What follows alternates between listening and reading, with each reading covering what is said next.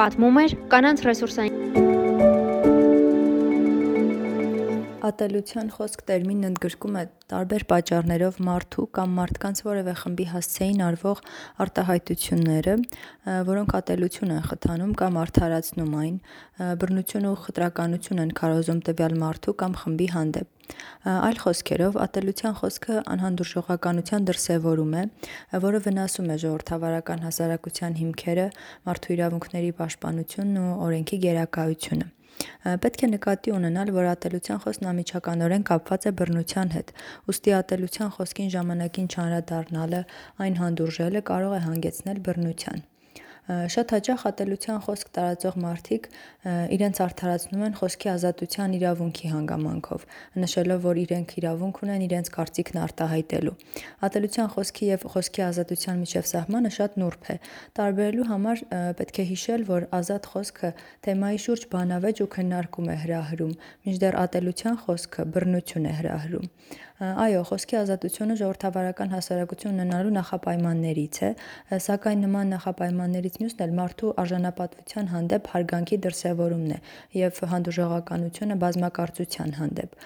Ոստի հենց ժողովրդավարական հասարակություններում շատ հաճախ կարիք է լինում միջոցներ ձեռնարկելու, որպեսզի մեկի խոսքի ազատությունը չվերածվի մյուսի արժանապատվության ոտնահարման։ Թիրախում տարբեր խմբեր են հայտնվում,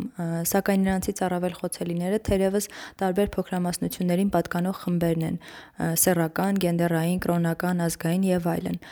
Այսինքն բոլոր այն խմբերը, որոնք առավել շատ են խտրականության ենթարկվում հասարակության մեջ, իսկ ատելության խոսքն էլ հենց այդ խտրականության ու անհանդուրժողականության առավել ուժեղ դրսևորումն է։ Թվարկված խմբերը ճակերտավոր ասած չեն համապատասխանում հասարակության ստանդարտներին, ուստի եւ առավել հաճախ են դառնում ատելության խոսքի զոհ։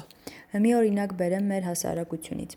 Երևի կհիշեք Էջմիածնեցի այն կնոջը, որի միջոցով ենթադրաբար կորոնավիրուսի համավարակը ներթափանցեց Հայաստան։ Համացանցը տեղն ու տեղը լցվեց այդ կնոջը վիրավորող ու ատելություն հրահրող հրապարակումներով ու մեկնաբանություններով, եւ դրանցից շատերը նրան խտրականացնում էին հենց կին լինելու հանգամանքով։ Մեր օրերում ատելության խոսքի տարածման ամենամեծ հարթակը թերևս համացանցն է։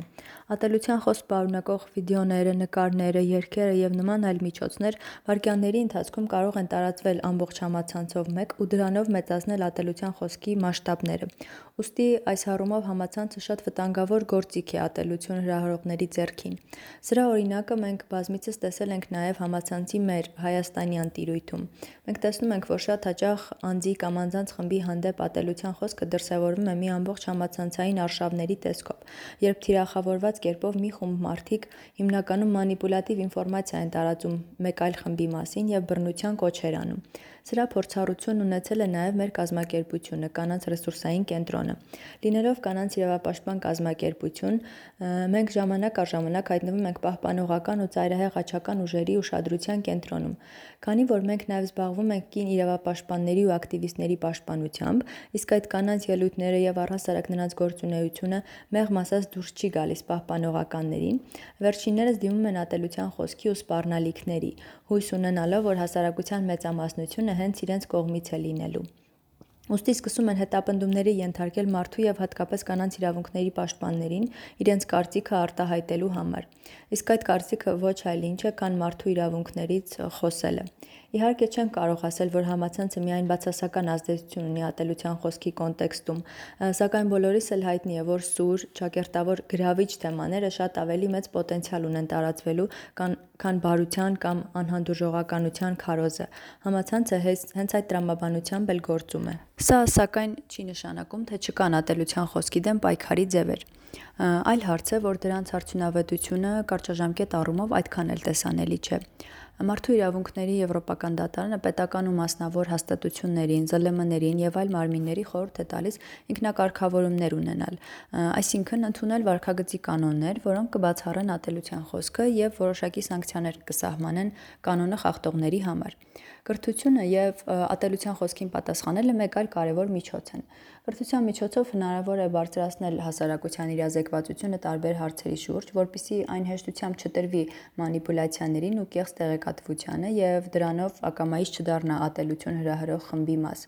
Մենք պետք է մշտապես մեզ հարց տանք. եթե մեկը իմ կամ իմ սիրելի մարդկանց հանդեպ ատելության խոսք տարածեր, ինչ կզգայի ես։ Միթե որևէ մեկն իրավունք ունի խտրականացնելու, ստորացնելու մեզ միայն նրա համար, թե ով ենք մենք։ Միթե չպիտի բոլորս հավասար հարգանքի արժանանանք։ Կարծում եմ, երբ ինքներս մեզ համար կպատասխանենք այս հարցերին, ատելության խոսքը տեղ չի ունենա մեր հասարակության մեջ։ Պատմում էր Կանանց ռեսուրսային կենտրոն հասարակական կազմակերպության հաղորդակցության ղեկավար Արմինե Մարկոսյանը։